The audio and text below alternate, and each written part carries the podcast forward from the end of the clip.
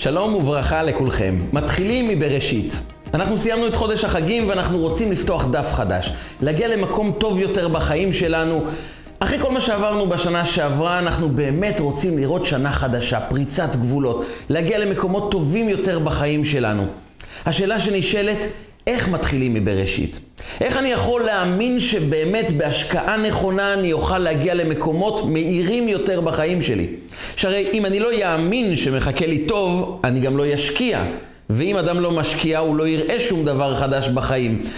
הדבר הבסיסי שאנחנו צריכים, שאנחנו זקוקים לו, כדי להשקיע ולראות דברים טובים בחיים שלנו, זה האמונה שבאמת האור מחכה לנו, שטוב זה באמת מה שמגיע לנו בחיים.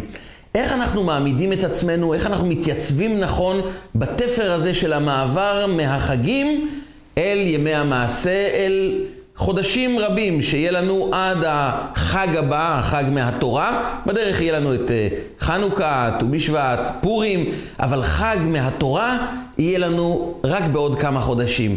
איך בחודשים האלו אנחנו יכולים ליצור משהו חדש בחיים שלנו? איך מתחילים כמו שצריך? כי החסידות אומרת שבצורה שבה אדם מעמיד את עצמו, בצורה שבה אנחנו מתייצבים בשבת הקרובה, שבת בראשית, כך יראה, תראה לה כל השנה כולה. לכן יש חשיבות מאוד גדולה להתחיל מבראשית, לא רק כמשפט שאומר בוא נתחיל טוב, אלא אנחנו בעצם לוקחים את השבת, פרשת בראשית, לוקחים ממנה מסר שבעצם יעמיד אותנו בצורה כזו טובה, שאנחנו נוכל גם לראות את הטוב ואת האור בחיים שלנו. איך מתייצבים, איך מעמידים את עצמנו נכון בשבת בראשית.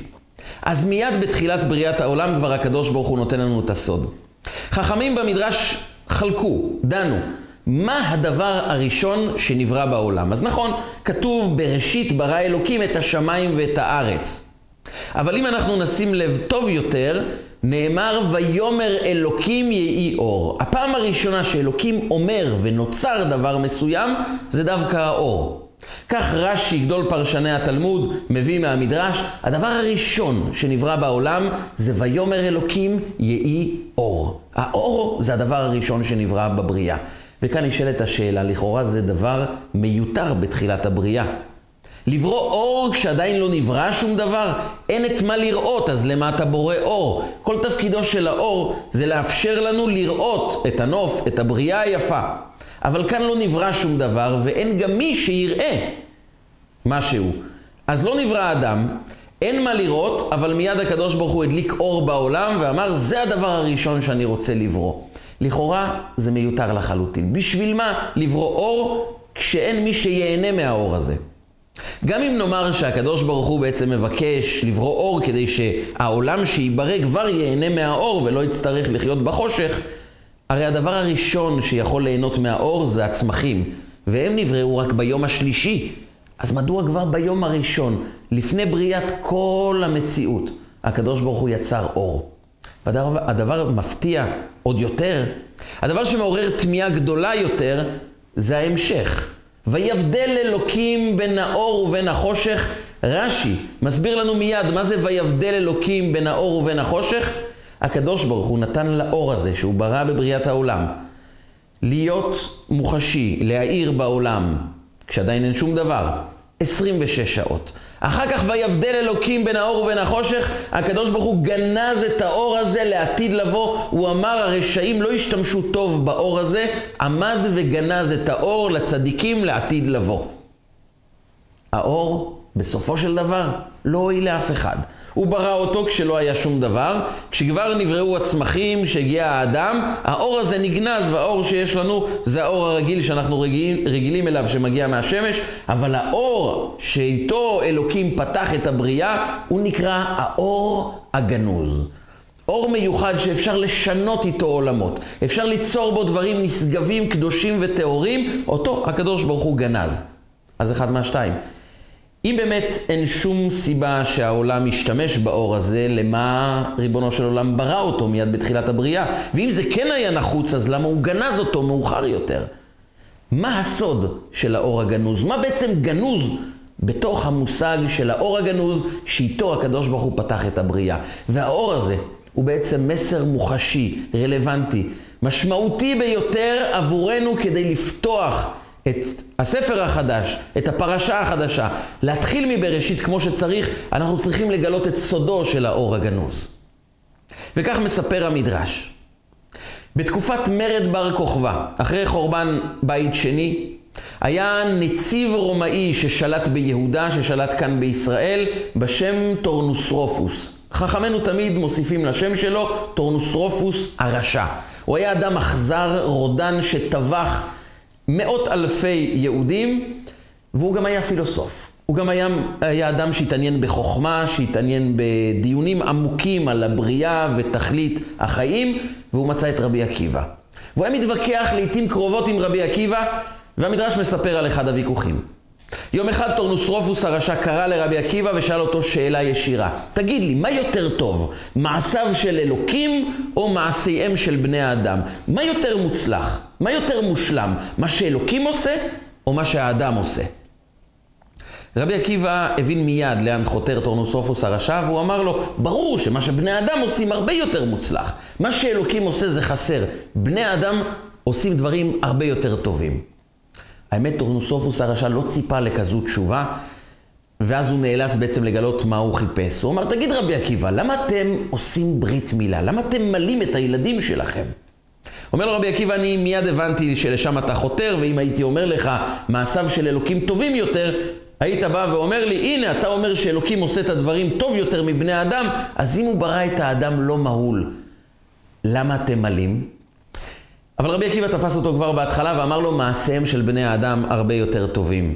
לכן אנחנו מלים את הילדים שלנו, ואני אתן לך גם הוכחה לזה. בא רבי עקיבא והביא לו שיבולים של חיטים, של חיטה, והביא לו עוגה, לחמניות. ואמר לו, תגיד, מה אתה מעדיף לאכול, את החיטה או את העוגה? החיטה זה מה שאלוקים יצר, והעוגה והלחמניות זה מה שהאדם יצר. מה יותר טוב? הנה אתה בעצמך רואה שמעשיהם של בני האדם טובים יותר. וחוץ מזה, כשתינוק יוצא מבטן האם, אתם חותכים את חבל, את חבל הטבור? גם אתם חותכים. יש לנו משהו לעשות כאן בעולם. אנחנו יוצרים משהו שאלוקים לא יוצר.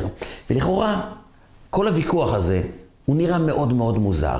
דווקא טורנוסרופוס הוא בא ומייצג את הגישה שאומרת, מה שאלוקים עושה זה מושלם, אנחנו לא צריכים להוסיף שום דבר.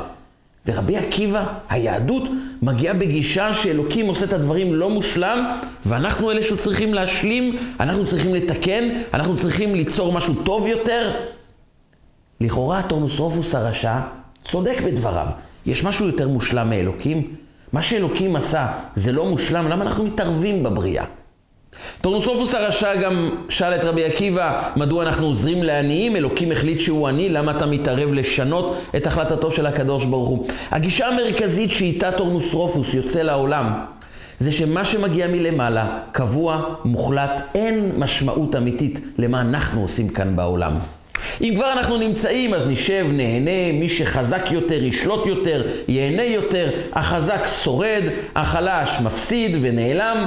וזה המציאות של החיים, כי מה שאלוקים עושה, ככה הוא קבע, את זה אנחנו לא משנים. והיהדות באה ואומרת משהו אחר. אנחנו באים לשנות. אנחנו באים לעשות ברית מילה ואנחנו באים לתקן כאן את העולם, וזה נמצא רמוז בפרשת בראשית, בסוף בריאת העולם. אם תחילת הבריאה הייתה ויאמר אלוקים יהי אור, זה נקודת המוצא, התכלית היא השבת. ועל השבת נאמר, אשר שבת, הקדוש ברוך הוא שבת מכל מלאכה, אשר ברא אלוקים לעשות. כי בו שבת מכל מלאכתו, אשר ברא אלוקים לעשות. אומרת, אומר המדרש, וכך גם רש"י מביא בפירושו על המדרש, מה זה אשר ברא אלוקים לעשות? זה משפט לא מובן לחלוטין. כי בו שבת מכל מלאכתו, ביום השבת הקדוש ברוך הוא שבת, הפסיק, גמר מכל מלאכתו, אשר ברא אלוקים ועשה. מכל מה שהוא ברא ועשה, מזה הוא שובת. מה זה אשר ברא אלוקים? לעשות. לעשות זה בלשון עתיד, אבל זהו, סיימת את הבריאה. למה לא נאמר אשר ברא אלוקים ועשה? אומר המדרש, אשר ברא אלוקים לעשות, אומר הקדוש ברוך הוא, אני סיימתי לברוא. אבל התכלית של הבריאה זה אשר ברא אלוקים לעשות. אתם תעשו. לעשות זה לתקן. אומר הקדוש ברוך הוא, ביום השבת אני סיימתי לברוא את העולם, אבל התכלית אשר ברא אלוקים לעשות, זה כדי שאתם תתקנו, אתם תעשו, אתם תיצרו משהו טוב יותר. וכך גם אומר המדרש בפסיקתא רבתי, כל מה שנברא בששת ימי בראשית צריך תיקון. הקדוש ברוך הוא ברא עולם שלם וברא בו חסרונות. ברא בו משהו שלא מושלם, כדי שאנחנו נבוא ונתקן אותו, אשר ברא אלוקים לעשות. וזה מה שאומר לו רבי עקיבא. המשמעות של הקיום שלכם בעולם, אין בה תוכן, אין בה משמעות אמיתית, כי אתם קובעים שכבר הכל קבוע ומוחלט מלמעלה. מה שהקדוש ברוך הוא עשה, נגמר הסיפור. אנחנו מבינים שאשר ברא אלוקים לעשות. נקודת המוצא היא אור, ונקודת התכלית היא אשר ברא אלוקים לעשות. כל מה שנברא בששת ימי בראשית צריך תיקון. ולכן אנחנו מלאים. לכן אנחנו עובדים ולוקחים חיטה. טוחנים, לשים, אופים, ואז יש לנו לחם. זה מייצג את תפקידו של האדם כאן בעולם. יש משמעות לקיום שלנו, וכאן נשאלת השאלה. למה הקדוש ברוך הוא קבע שאנחנו צריכים להשלים את מלאכתו? מה רע אם הקדוש ברוך הוא היה בורא את העולם בצורה מושלמת? למה הוא ברא את העולם לעשות, לתקן? מה הרעיון המרכזי שיש כאן? וכאן נמצא בעצם התוכן של המחשבה הבסיסית שאנחנו נדרשים לרכוש, להעמיק, לחצוב בתוך הלב שלנו ולגלות את אותו סוד של האור הגנוז, הוא נמצא באשר ברא אלוקים לעשות. אומר הקדוש ברוך הוא את הדבר הבא. אני בראתי עולם לא מושלם, כי אני רוצה שאתם תהיו מושלמים. כך הסביר המגיד מישרים לרב הבית יוסף. אחד הספרים המעניינים שיש לנו בארון הספרים היהודי, הוא בעצם מפגש שהיה לרבי יוסף קארו, מי שכתב את השולחן ערוך. הוא נפגש עם מלאך משמיים שהגיע אליו כמתנה בעקבות לימוד המשניות שלו, העמקה בתורה שלו, והוא למד תורה כפי שלומדים למעלה דרך מלאך שבא וגילה לו את סודות התורה. וכאן המלאך בא ופוגש את רבי יוסף קארו, וזה נכתב בספר מגיד מישרים לפני 500 שנה, וכך אומר לו המגיד מישרים. יש מחלוקת מאוד מעניינת מפורסמת בין בית שמאי לבית הלל. האמת היא שכל התלמוד מלא במחלוקות בין בית שמאי לבית הלל. כמעט בכל המקרים הם נשארים במחלוקת, וההלכה נפסקה כבית הלל. אבל יש מקום מאוד מפתיע, על מחלוקת שהם חלקו במשך שנתיים וחצי. שנתיים וחצי. הם חלקו ודנו, התווכחו בבית המדרש, עד שהם הגיעו למסקנה אחת. על מה היה הוויכוח? נחלקו בית שמאי ובית הלל, כך אומרת הגמרא במסכת העירובין דף י"ג, נחלקו בית שמאי ובית הלל, האם נוח לו לאדם שלא נברא משנברא? היה, האם עדיף, נוח, טוב יותר לאדם לא להיברא ולהיות כאן בעולם? או שנוח לאדם שנברא משלא נברא? או שהיה עדיף כן להיברא, זה יותר נוח, יותר טוב. מה יותר טוב לאדם?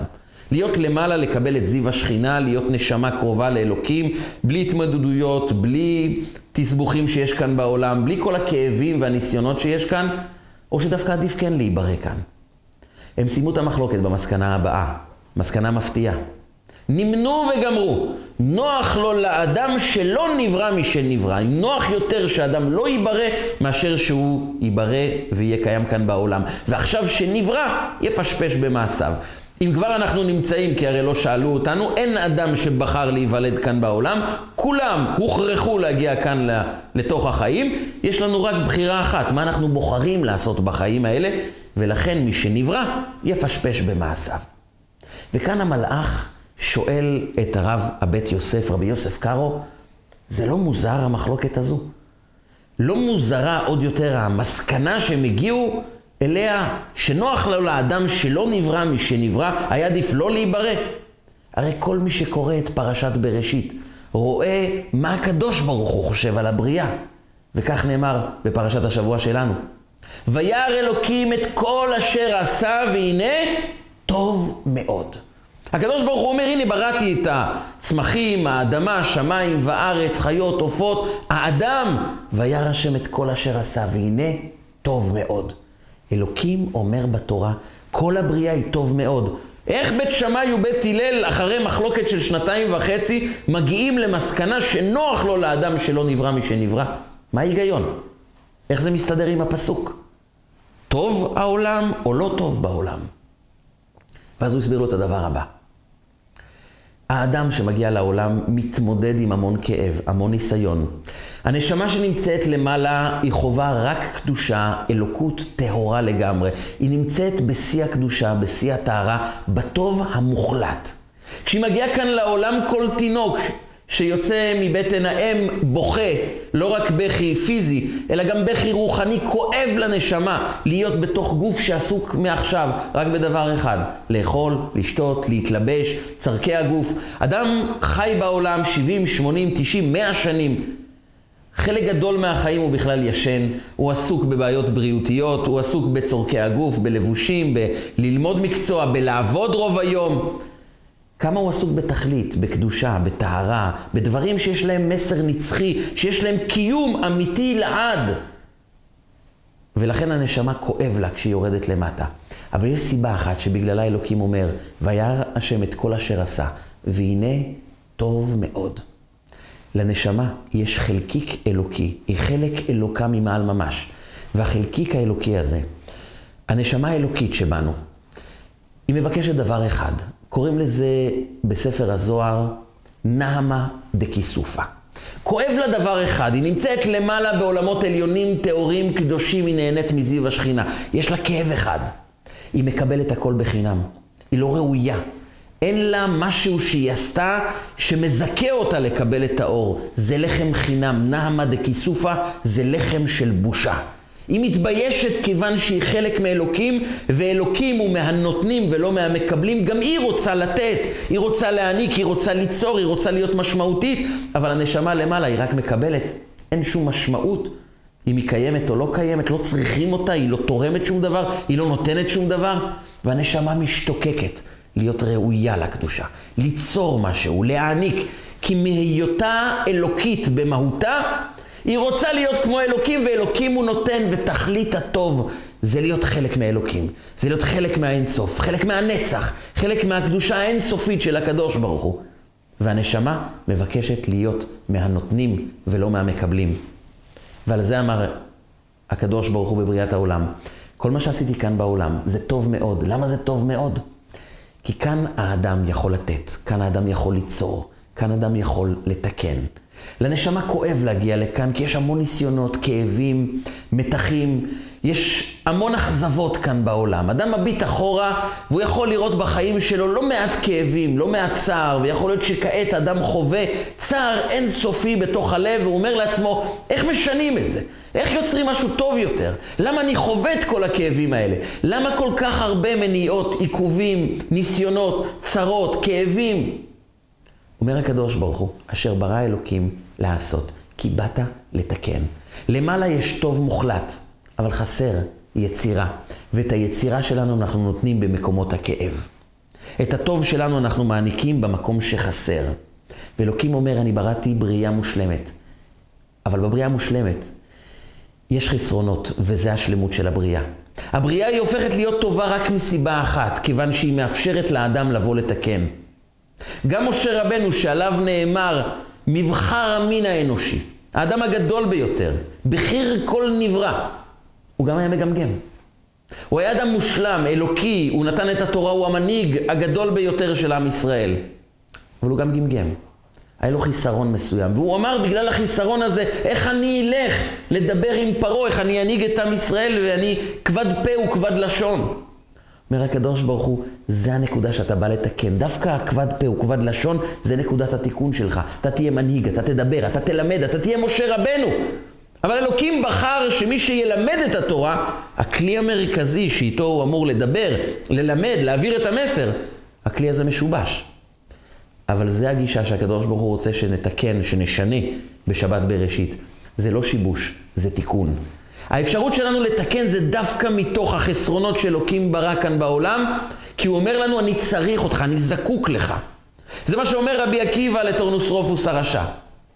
אתם מביטים על האדם, על החיים שלכם, אתם מביטים על עצמכם, כאנשים שלא צריך אותם. הדבר המעליב ביותר שאפשר לומר לאדם, זה לא צריך אותך, אתה מיותר. אין מה לעשות איתך. לך, אתה חסר תועלת. זה הדבר המשפיל ביותר, ואין דבר יותר משפיל מההרגשה הזאת, אף אחד לא צריך אותי, אני מיותר, אני לא משמעותי עבור אף אחד. ולכן המחמאה הגדולה ביותר אלוקים נותן לנו בספר בראשית, בפרשת בראשית, מיד בתחילת ספר התורה. אשר ברא אלוקים לעשות, אני צריך אותך, אני זקוק לך.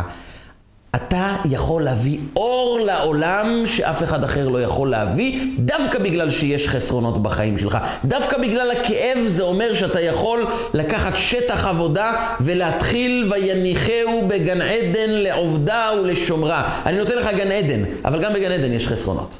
והחיסרון זה בדיוק הסיפור שלך. הסיפור שלך שמתחיל כעת, לעובדה ולשומרה, תבוא לתקן, תבוא ליצור מתוך הכאב הזה, מתוך הנפילה הזאת, תבוא ליצור אור.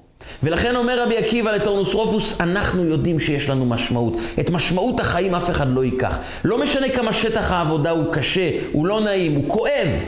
אבל דווקא מתוך הכאב אני שומע את קולו של הקדוש ברוך הוא אומר לי, אשר ברא אלוקים לעשות. כל מה שנברא בששת ימי בראשית צריך תיקון. ובדיוק בגלל זה אנחנו נמצאים כאן, כי אנחנו משמעותיים, כי הקדוש ברוך הוא אומר, אני צריך אותך, אני רוצה שתהיה מהנותנים ולא מהמקבלים, אז בוא תיתן. ולכן, אם מסתכלים על מה נוח לנשמה, נוח לו לאדם שלא נברא משנברא. למעלה, הרבה יותר נוח. אבל זה לא אומר שהכאב מגיע לפתרון, זה אולי נוח, אבל כואב. כואב כי הנשמה מהיותה אלוקית זקוקה ליצור, היא רוצה לתת, אז היא מעדיפה לרדת למטה. להסתבך בתוך כל הבעיות, הבלבולים, הכאבים, הניסיונות הגדולים שיש כאן בעולם. אבל היא יודעת שפה היא תיצור משהו. שווה לנשמה כל הכאב כדי שהיא תוכל ליצור משהו. במילים אחרות, פרשת בראשית מבקשת מאיתנו להביט אחרת על העולם. לרכוש עדשה חדשה שדרכה אנחנו מביטים על החיים שלנו. אין לנו כאבים, יש לנו הזדמנויות, יש לנו יכולת לתקן, יש לנו יכולת ליצור אור חדש כאן בעולם. היה יהודי אחד שהגיע לפגישה עם הרבי מלובביץ'. הוא נכנס לחדרו האישי של הרבי למשרד, והוא ראה שקים של מכתבים, והוא הבין ששקים של מכתבים מגיעים בכל יום למשרדו של הרבי מלובביץ'. והוא הבין גם עוד דבר, שהמכתבים שאנשים כותבים לרבי מלובביץ' זה לא מכתבים של בשורות טובות, אלא בעיקר בקשה של הדרכה או ברכה בגלל צרות שאנשים עוברים. כשלאנשים טוב, הם נשארים עם הטוב עבור עצמם. כשכואב להם, הם פונים ושולחים מכתב לרבי מלובביץ', והוא אמר לרבי, אני יודע שרוב המכתבים שאתה קורא זה כאבים, אסונות, צרות, דברים כל כך כואבים שאנשים עוברים. איך אתה שורד לקרוא כל כך הרבה צרות של כל כך הרבה אנשים בכל העולם ובכל יום מחדש? הוא מספר שהרבי אמר לו משפט אחד, אין כאן צרות, יש כאן אתגרים, וכל אתגר זו הזדמנות. אני לא מביט על הכאב, אני מנסה לבחון מה האתגר כאן. וכשיש אתגר אני שומע בתוכי שיש כאן הזדמנות חדשה לאיזה אור חדש שיכול לרדת כאן לעולם. כי בסיס הבריאה היה אור. אשר ברא אלוקים לעשות זה לתקן כיוון שבתחילת הבריאה היה אור. נכון, הקדוש ברוך הוא גנז אותו, אבל למה הוא התחיל איתו? הקדוש ברוך הוא אמר, קודם כל אני רוצה שיהיה חדור בבריאה, שיהיה מורגש ובצורה הכי מוחשית שרק אפשר, שבמשך 26 שעות, בגימטריה י' כ' ו' כ', גימטריה 26. 26 שעות האור יאיר כדי לקבע בתוך המציאות, שתכליתה של המציאות זה אור, זה הבסיס, זה נקודת המוצא. כשאדם הולך לפרויקט הוא צריך לדעת קודם כל מה היעד, לשם מה אני נמצא כאן. הקדוש ברוך הוא קרא לאדם הראשון ואמר לו, תיתן שמות לכל הבהמות והחיות, זו חוכמתך הגדולה. אמר הקדוש ברוך הוא למלאכים, הוא חכם מכם, הוא יודע לתת שמות לבהמות ולחיות. ואדם קורא את המדרש ואומר, מה החוכמה הגדולה לתת שמות? כל ילד יכול לזרוק שם לכל בהמה, לכל חיה, וזה יהיה השם שלו. אומר הקדוש ברוך הוא, יודע לקרוא שם, כי שם בעברית זה לא רק כינוי כדי לקרוא לאדם, אלא שם זו משמעות. משמעות מורכבת מהמילה שם.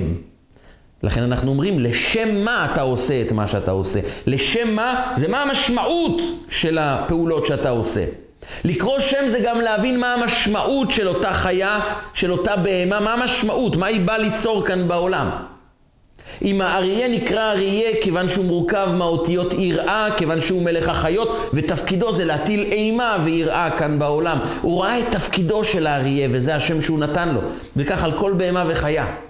ואז הקדוש ברוך הוא פונה לאדם ואומר לו, ואיך קוראים לך? מה השם שלך?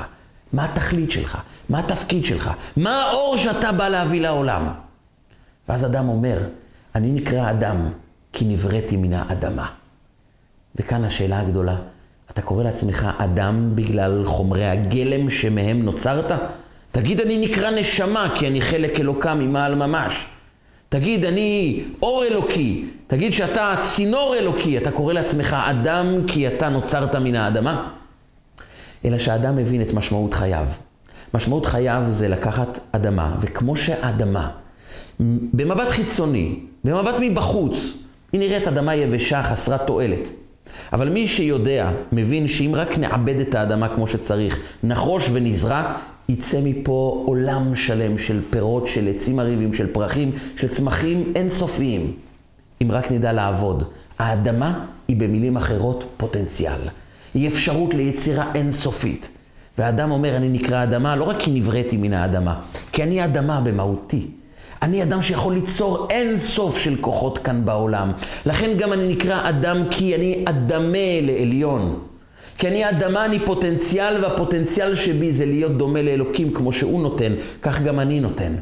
ואת זה הקדוש ברוך הוא רצה לקבע מיד בתחילת הבריאה. קודם כל יש אור. זו המטרה, זו התכלית, זו המציאות האמיתית של העולם.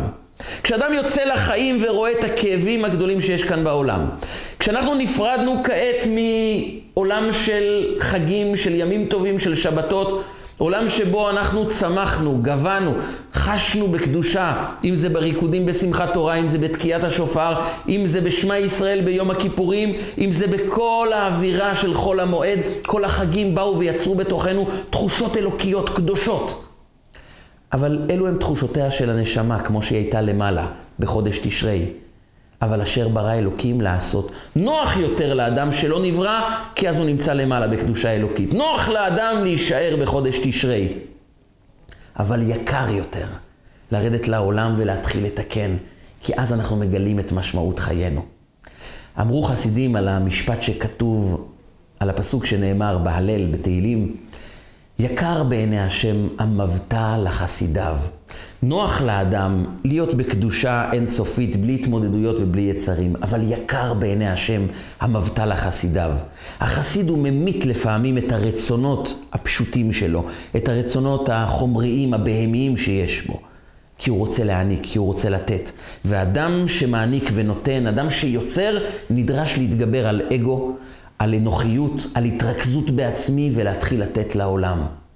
אם העולם החומרי תמיד משדר לנו כמה שתקבל יותר, תהיה יותר מאושר, אז כמויות התרופות נגד דיכאון שנמכרות כיום בעולם רק מוכיחות את ההפך. ככל שאדם הופך להיות יותר אנוכי, יותר נהנה מהעולם, יותר מקבל, יותר שואב, הוא פחות משמעותי ואז הוא עצוב. כי לנשמה יש רק קוד אחד של אושר ושמחה. להיות מהנותנים, כי אז אני הופך להיות אלוקי, ועוז וחדווה במקומו. התענוג הגדול ביותר, השמחה הגדולה ביותר של האדם, זה שהוא כמו אלוקים, הוא נותן, הוא מעניק. סוד השמחה, סוד יצירת משפחה מאושרת. הסוד שיכול להוביל אותנו להתפתחות בחיים, זה לדעת כשאתה פוגש חיסרון, זה כי יש לך משמעות, שם, להעניק כאן לאירוע. זה לא כאב, זה אתגר, והאתגר זה ההזדמנות לגלות את מציאות החיים האמיתית שלי, להיות מהנותנים. זה בעצם מה שרבי עקיבא עונה לטורנוס רופוס. אנחנו עם שמבינים שיש לנו משמעות, שבאנו להעניק, באנו לתקן, כי התכלית של הנשמה, העושר המופלא, הגדול ביותר שיש לנשמה, שבשביל זה שווה לרדת למטה. על זה אומר הקדוש ברוך הוא, וירא השם את כל אשר עשה והנה טוב מאוד. איך אתה אומר שהעולם הוא טוב מאוד? אם אשר ברא אלוקים לעשות זה לתקן. אז אם צריך לתקן זה לא טוב מאוד, כי יש לתקן. התשובה היא, כשיש לתקן, זה טוב מאוד. כי אז אתה מתחיל להיות משמעותי. אז אתה הופך להיות נציג של הקדוש ברוך הוא. ואין אושר גדול יותר מלהיות חלק מהאינסוף של היצירה, של העשייה, של הפעולה. אבל כדי שנוכל לפעול כמו שצריך, כדי שנוכל לתקן כמו שצריך, כדי שנוכל לגלות את האור הפנימי שבנו, אנחנו חייבים לזכור את נקודת המוצא. ויאמר אלוקים יהי אור. העולם הוא אור. העולם נברא עם אור הגנוז, ואיפה הוא גנוז? אומר המדרש שגנזו הקדוש ברוך הוא בתורה. בתורה נמצא האור הגנוז. האור הגנוז זה בעצם האור הפנימי שבתוכנו, שבתוך התורה, שבתוך הנשמה שלנו, שהוא גנוז, הוא רק מבקש מאיתנו, בוא תוציא, בוא תגלה דרך קיום המצוות, דרך לימוד התורה, דרך עשיית חסד, דרך פעולות כאן בעולם, דרך שינוי של גישה שאני לא באתי לקבל, באתי להעניק ולתת, באתי ליצור אשר ברא אלוקים לעשות. אז אנחנו הופכים להיות האור הגנוז, שהוא כבר לא גנוז, הוא גלוי, כי אני מתחיל לפעול איתו. הקדוש ברוך הוא בא ואומר, אני גנזתי את האור כדי שאתם אלו שתגלו אותו. אני נתתי לו להאיר במשך 26 שעות כדי שהמציאות שלכם תהיה מציאות של אור. כדי שאם אדם יחפור בעומק הנשמה שבו, הוא באמת יאמין שהוא טוב. הוא באמת יאמין שאנשים סביבו הם טובים. הוא באמת יאמין שגם בעולם שבו אנחנו שומעים חדשות מהבוקר עד הערב, כמה זה לא טוב. עד כדי כך שאומרים שמהדורת חדשות נפתחת במילה, במילים ערב טוב, ואז במשך שלושת רבעי שעה רק מוכיחים לנו כמה זה לא ערב טוב, ואדם אומר לעצמו, אני חי בתוך עולם לא טוב. אבל הקדוש ברוך הוא אומר, תזכור תמיד, שבריאת העולם היא ויאמר אלוקים יהי אור. יש אור שמסתתר, אז נכון, אז הוא גנוז. אז הכאב הוא בעצם אתגר, והאתגר הזו, הזה, הוא ההזדמנות שלנו לגלות את האור שגנוז בנו. את האור הגנוז מגלים אנחנו, דרך התורה, בתוך העולם. וכשאדם יודע שיש בתוכו אור גנוז, שמציאות העולם, גם אם אנחנו רואים המון חושך והמון כאב, המציאות חיים שלנו היא אור. התכלית של העולם הוא בעצם שיתגלה בו אור אלוקי. ואנחנו פוגשים חושך, כי זה התפקיד שלנו לגלות אור בתוכו. כאשר אנחנו מסתכלים על העולם כעולם חשוך שבמהותו, בשורשו, הוא בעצם אור, אנחנו לא מסתכלים על הכאב. אנחנו קוראים לו אתגר שבא לגלות את ההזדמנות של החיים שלנו כדי שאנחנו נוכל להפוך להיות אלוקיים. רבי עקיבא אומר לטורנוס רופוס, אתם רואים את חייכם כחסרי משמעות. כאילו הכל קבוע ומוחלט, ולכן גם אתם תיעלמו מן המפה, כי אנשים חסרי משמעות, אין להם קיום, כי הם לא רואים בקיום שלהם משמעות. אבל אנחנו שרואים בכל רגע ורגע, בכל מצווה שאנחנו מקיימים, בכל לימוד תורה, משמעות של הורדת קדושה אלוקית כאן בעולם. הפיכת עולם החומר לעולם טוב יותר, קדוש יותר, אלוקי יותר, עולם של חסד, עולם של אור אלוקי. אנחנו מבינים שיש משמעות למודה אני שאנחנו אומרים בבוקר, לעזרה לזולת שאנחנו מבצעים במשך היום, ללימוד תורה ולקיום המצוות. זה רגעים שאנחנו מורידים אור אלוקי, והרגעים האלו הם במשך כל היום יצירה אחת גדולה של ויהי אור, שלא רק אלוקים אומר אותו, אלא אנחנו יוצרים אותו. ולכן, כאשר אדם יודע שתי דברים. דבר ראשון, מציאות החיים שלי היא אור. אני לא בא לגלות איזה אור נסתר, אני לא בא ליצור איזה משהו חדש, אני בעצם בא לממש את האמת של הבריאה הזו. האמת שלי והאמת של הבריאה והאמת של מה שמסתובב סביבנו. זה האור שהקדוש ברוך הוא ברא איתו את העולם. הוא נגנז רק כדי שאני אבוא לגלות אותו, וזה התפקיד שלי. שיא האושר של האדם זה דווקא כשהוא פוגש את החסרונות שיש לו בחיים. אם אנחנו חיים בתוך עולם שברגע שאנחנו פוגשים חיסרון, אנחנו מתייאשים, אנחנו מרגישים רפואיים, מרגישים שלא טוב ולא מוצלח, אז החדשות הן שתמיד אנחנו נפגוש חסרונות. אין אדם בלי חיסרון, וגם החופשה הטובה ביותר, תמיד יש בה איזה מימד של חיסרון. אין דברים מושלמים, וזו השלמות האמיתית. שאנחנו לא מושלמים, שיש בנו חסרונות. כי אז אנחנו יכולים ליצור משהו חדש. אז אנחנו יכולים לגלות את האור הגנוז, שגנוז בתוכנו, בתוך התורה. אנחנו מגלים את האור. אם בריאת העולם זה המסר של הקדוש ברוך הוא, תזכור בפרשת בראשית, בשבת הקרובה. תעמיד את עצמך בידיעה שאתה זה אור פנימי. המציאות של העולם היא אור, זה המציאות השורשית, זה מה שבאמת קיים כאן בבריאה. כל החושך, הוא רק כי אשר ברא אלוקים לעשות. כל שנברא בששת ימי בראשית נועד לתקן. אם תדע שאתה באת לתקן, החושך לא יחשיך. החושך אתה תראה אותו במימד של אור. הנה באתי להאיר כאן. והחושך הוא רק לאפשר לי להיות חלק מאלוקים, שזה התענוג והאור הגדול ביותר שאנחנו יכולים להיות, לבצע, לעשות, לממש כאן בחיים שלנו. אז ויהי אור, לזכור שהמציאות היא אור, ואנחנו באנו לתקן, באנו להוסיף, באנו ליצור משהו חדש, זה סודו של העם היהודי, וזה הסוד של כל אחד ואחד מאיתנו, לראות שבאמת בשנה הקרובה תהיה פריצה חדשה, אור גדול, התעלות חדשה, כי אם המציאות היא אור, ואני מסוגל דרך הפעולות שלי לגלות את האור, אז זה גם מה שאני הולך לראות גם בחיים שלי, בעולם שבו אני נמצא. לא מזמן סיימתי הרצאה באחד מהיישובים בצפון. לאחר ההרצאה התפתחה שיחה עם כמה אנשים, ואחד מהם היה בעברו טייס קרב. והוא סיפר לי את הסיפור המרגש הבא. הוא אומר לי, יום אחד בטייסת אה, בבוקר נכנס אחד מטייסי הקרב, חבר טוב שלי, ואני רואה אותו חבול, שתי כתפיים פצועות, תחבושת על הברך, נראה שמישהו נתן לו מכות. אני שואל אותו, תגיד, מה קרה? איך אתה יצאת פצוע כזה? הוא אומר לי, תשמע, אני אתמול יצאתי לפארק עם הילדים שלי, בחרתי איזה פארק מרוחק, ערב, נעים, הבאתי קצת אוכל עם הילדים הקטנים שלי ויצאנו לפארק. היו שם כמה נערים, חמישה-שישה חבר'ה, משועממים לחלוטין. והם לקחו אבנים קטנות והחליטו להתעלל בילדים שלי. התחילו לזרוק ככה חצץ, אבנים קטנות על הילדים, ופתאום כל ילד מקבל אבן קטנה ולא נעים, והם הולכים למקום אחר, ושוב, הם, הספורט שלהם זה להתחיל לעשות רע לילדים שלי, לזרוק עליהם אבנים קטנות. באיזשהו שלב זה היה כבר מאוד לא לעניין, ניגשתי אליהם ואמרתי להם, חבר'ה, בואו, תפנו את המקום, תנו לילדים לשחק, תהנו אתם, בואו נהנה אנחנו, תעזבו, תפסיקו לזרוק את האבנים האלו על הילדים. זה היה הרגע שהתחיל פיצוץ שלם. הם קמו והתחילו לצעוק עליי, מי אתה בכלל שתגיד לנו מה לעשות? התחילו לדחוף אותי, החליטו לקחת אבנים גדולות והתחילו לזרוק על הילדים אבנים גדולות. הם התחילו לתת לי מכות, פצעו אותי, ואני רק התגוננתי, חטפתי קצת מכות, התגוננתי קצת, הלכתי אחורה, תפסתי את הילדים, הכנסתי אותם לרכב, הנעתי את הרכב, בדרך הם ניפצו כמה שמשות וברחתי מהמקום, אז לכן אני נראה כך. הוא אומר לי, הייתי בהלם. אתה נתת להם לתת לך מכות וברחת? אני מכיר אותך, אתה טייס קרב, לוחם אמיתי, אדם מאוד חזק. הרי אני יודע שבחמש דקות כולם היו שרועים על הרצפה פצועים, היו נשלחים למרכז רפואי. איך נתת להם לתת לך מכות? איך שחררת אותם ככה?